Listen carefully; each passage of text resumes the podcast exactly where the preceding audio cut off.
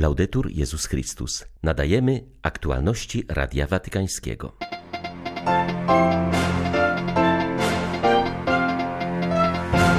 Diabeł chce zgubić człowieka, ale nie zdoła nas pokonać, jeśli trwamy przy Bogu, mówi papież w wywiadzie na temat opętania. Dziś mija 60. rocznica ogłoszenia encykliki Pacem in Terris. We Francji niesłabnie zainteresowanie Światowymi Dniami Młodzieży, zapewnia przewodniczący tamtejszego episkopatu. Jego zdaniem do Lizbony przyjedzie co najmniej tyle samo młodych Francuzów, co do Krakowa w 2016 roku. 11 kwietnia witają Państwa ksiądz Krzysztof Ołdakowski i ksiądz Tomasz Matyka. Zapraszamy na serwis informacyjny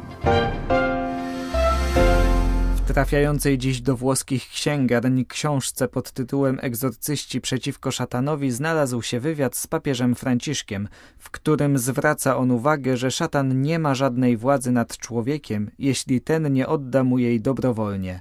Diabeł zawsze sieje niezgody i podziały, również w kościele, próbując nastawić ludzi przeciwko sobie. To pozostaje jego znakiem firmowym, mówi Franciszek. Ojciec Święty stwierdził, że diabła denerwuje, jeśli pragniemy naszym życiem naśladować Jezusa, a równocześnie cieszy się, gdy wpadamy w grzechy. Nasze niepowodzenia sprawiają mu radość, ale gdy trwamy blisko Boga, wtedy jest bezradny.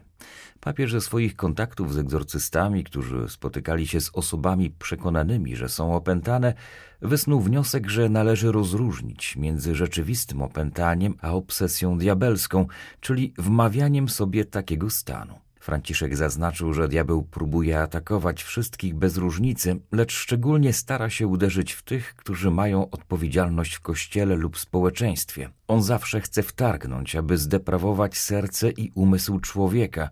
Jedynym ratunkiem jest podążanie drogą wskazaną przez Chrystusa. Ojciec Święty wskazuje także na potrzebę zachowania bojaźni oraz pokory w zmaganiach z diabłem, ponieważ jest on istotą inteligentną i przebiegłą.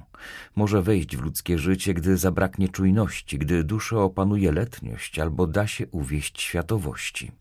Zły duch stosuje rozmaite taktyki, aby zgubić człowieka, albo niszczy w sposób bezpośredni wojnami i niesprawiedliwością, albo robi to uprzejmie w białych rękawiczkach, w sposób dyplomatyczny. Dlatego w życiu duchowym tak bardzo potrzeba rozeznania i modlitwy.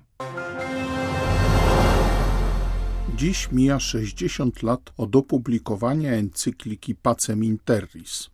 Dokument ten nazywa się czasem swoistym duchowym testamentem papieża świętego Jana XXIII, który umarł dwa miesiące po ogłoszeniu tego tekstu. Wezwanie do pokoju wygłoszone w takiej formie niedługo po wzniesieniu muru berlińskiego w kontekście kryzysu kubańskiego oraz rozpoczętego już Soboru Watykańskiego II okazuje się niezwykle aktualne także dziś, uważa francuski socjolog i politolog ojciec Pierre de Charentenay. W wywiadzie dla Radia Watykańskiego jezuita podkreśla, że papież Jan XXIII w swojej encyklice zaproponował bardzo szerokie oraz głębokie pojęcie pokoju, płynące zarówno z osobistych doświadczeń jednostki, jak również z elementów życia społecznego.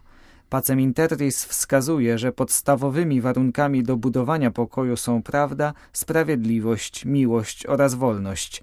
W życiu Kościoła ta encyklika stanowiła ważny krok na drodze zaangażowania się w mówienie o prawach człowieka, a także w działalność instytucji międzynarodowych, takich jak ONZ. Ojciec de Charentenay podkreśla ciągłą potrzebę powracania do tekstu Jana XXIII. Nasza epoka w sposób szczególny potrzebuje się w to wsłuchać. Rozbrojenie jest niezbędne, kultura praw człowieka została ustanowiona, ale równocześnie jasno widać, iż wiele krajów ją często lekceważy poprzez użycie siły. Temat obecnych czasów stanowi wojna na Ukrainie, która oczywiście zaprasza nas do refleksji nad pokojem, i pokazuje nam złożoność tej kwestii, jak bardzo trzeba przypominać o konieczności poszanowania podstawowych spraw sprawiedliwości, wolności i prawdy. Powtarzanie tego ze strony Kościoła pozostaje niezbędne. Jan XXIII był źródeł prawdziwego punktu zwrotnego dla Kościoła, Zajął stanowisko później sprecyzowane jeszcze przez Pawła VI, Kościół ekspert od człowieczeństwa, mogący mówić o fundamentalnej refleksji zapraszającej wszystkich chrześcijan lub niechrześcijan do zadawania sobie pytań co do własnych działań oraz co do struktury świata, który może stać się lepszy. Oto nowe podejście Jana XXIII, podjęte następnie przez Sobór Watykański II, zwłaszcza w wielkich tekstach soborowych, takich jak Konstytucja o stosunku do świata, Gaudium et Spes, która podjęła na nowo te kwestie dyskutowane przez papieża Jana XXIII.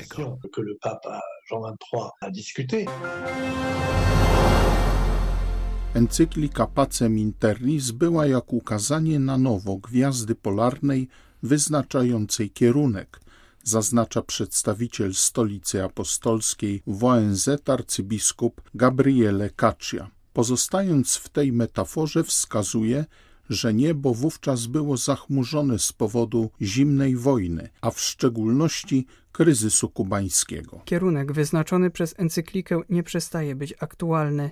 Jest ona wezwaniem do przezwyciężania logiki budowania relacji w oparciu o strach przed drugim, a więc na równowadze terroru, zaznacza stały obserwator stolicy apostolskiej przy ONZ. Dodaje, że w myśl dokumentu relacje powinny być zamiast tego oparte na wzajemnym zaufaniu, choć z koniecznością wypracowania narzędzi weryfikujących, które gwarantowałyby szczerość. Arcybiskup Kacia wskazuje również, że encyklika była ważnym krokiem na drodze współpracy Kościoła z ONZ. W rok po jej publikacji Stolica Apostolska stała się stałym obserwatorem przy tej organizacji, a w 1966 roku święty Paweł VI jako pierwszy z papieży przemówił do Zgromadzenia Ogólnego. Ojciec Henri de Lubac jest mistrzem, który pokazuje, jak czerpać z tradycji Kościoła, znajdować w niej moc i światło dla rozwiązywania problemów, które stają dziś przed Kościołem. Mówi przewodniczący episkopatu Francji, wyjaśniając, dlaczego biskupi tego kraju podjęli decyzję o rozpoczęciu procesu beatyfikacyjnego tego wielkiego teologa. Arcybiskup Eric de Moulin-Beaufort podkreśla, że ten francuski jezuita rzucił światło na wiele teologicznych kwestii, zakorzeniając je w tradycji. Jak wskazał przewodniczący episkopatu Francji w wywiadzie dla telewizji KTO, wielki wkład kardynała de Lubaca to również jego refleksja na temat człowieka. Wspaniale ukazuje on, że człowiek został stworzony, aby przekraczał samego siebie, aby nawiązać relacje z kimś, kto jest od niego większy i że to wszystko jest zapisane w jego naturze. Zapytany, czy do dziedzictwa ojca de Lubaca należy również jego postawa względem sankcji, jakie nałożył na niego Kościół, arcybiskup Demoulin Beaufort odpowiedział. On sam nie chciałby, aby w ten sposób o nim mówiono, że Kościół nałożył na niego sankcje. On zawsze temu zaprzeczał. Względem niego zastosowane zostały pewne środki ostrożności ze strony jego zakonu, Towarzystwa Jezusowego, z powodu którego wiele wycierpiał. I znosił to zawsze z wielką odwagą, a przede wszystkim wielkim poczuciu wolności. Można mówić o jego posłuszeństwie, ale było to posłuszeństwo człowieka wolnego. Delibak na przykład zawsze odmawiał, gdy proszono go, by przeprosił za to, czego nie powiedział. Oczekiwano od niego, że wyrzeknie się pewnych formuł, a on odmawiał uznania, że takimi formułami się posługiwał. A zatem był to człowiek przywiązany do wolności swego sumienia i sądzę, że jest on pięknym przykładem wolności sumienia człowieka, a w szczególności chrześcijanina, trwając zarazem w jedności Kościoła. Przewodniczący Episkopatu Francji mówił też o zbliżających się Światowych Dniach Młodzieży w Portugalii. Zapytany, czy spotkania te nadal są ważne dla młodych katolików, arcybiskup de Moulin-Beaufort odpowiedział. La réponse vient dans la réponse des jeunes eux-mêmes. Myślę, że odpowiedź dają sami młodzi. W wypadku Francji liczba osób, które zapisały się na SDM jest bardzo pokrzepiająca. Jest ich co najmniej 30 tysięcy, a zatem tyle samo co podczas ostatniego europejskiego spotkania w Krakowie. Widzimy więc, że jest wielkie pragnienie. Młodzi potrzebują takich okazji, gdy mogą się spotkać w sposób wolny, bezinteresowny, radosny, bez całej medialnej inscenizacji, która ma miejsce podczas innych masowych wydarzeń, na przykład sportowych. Młodzi potrzebują takich sytuacji, gdy to oni się spotykają. I to właśnie będzie miało miejsce w Lizbonie oraz tydzień wcześniej w różnych diecezjach Portugalii. Młodzi potrzebują tego braterstwa. Wszyscy tego doświadczyliśmy w naszej mniej lub bardziej odległej młodości, bo SDM ma już pewną historię. Widzimy, że pod pewnymi względami młodzież się nie zmienia. Zobaczymy, co wydarzy się w Lizbonie i co pozostanie po tym spotkaniu, jakie wyda owoce. Ale mamy we Francji naprawdę piękną młodzież, która potrafi podejmować wspaniałe inicjatywy. Myślę, że zdołają się tym podzielić z innymi i będą też otwarci na to, co przynoszą młodzi z innych krajów. Trzeba mieć nadzieję, że te dni w Portugalii, a zwłaszcza w Lizbonie, będą wydawać owoce przez następne dziesięciolecia.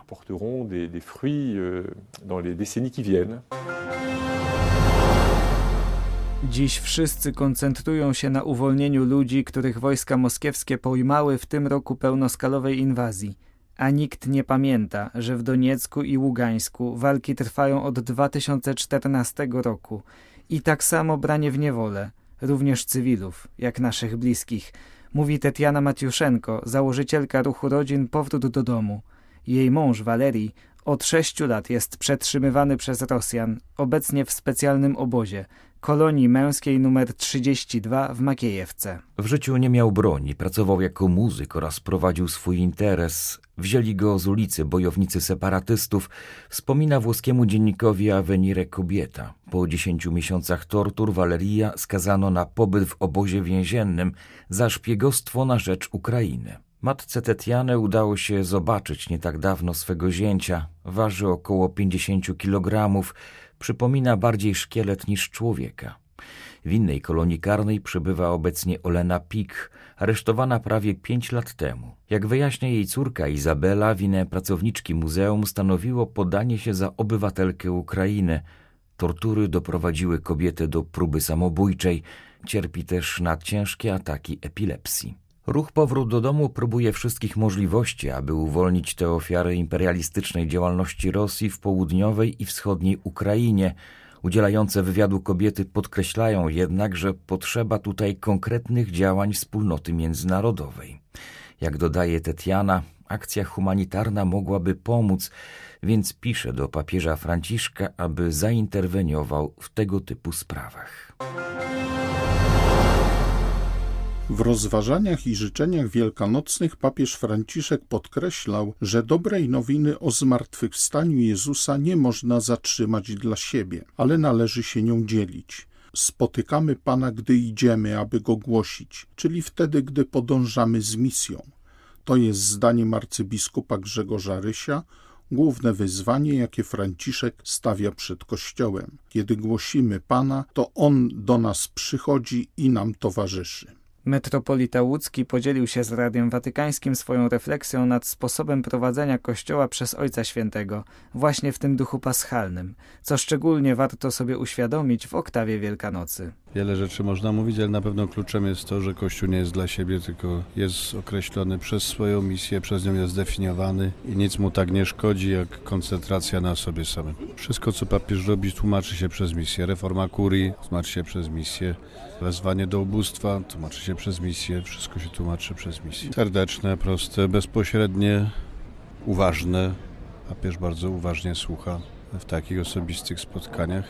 No, każde spotkanie jest inne, ale to, co wyznacza jego charakter, no to jest takie samo, niezależnie czy się spotyka z Ojcem Świętym w jego mieszkaniu, czy oficjalnie na wielkiej audiencji, to zawsze to tak samo wygląda. Były to aktualności Radia Watykańskiego. Laudetur Jezus Chrystus.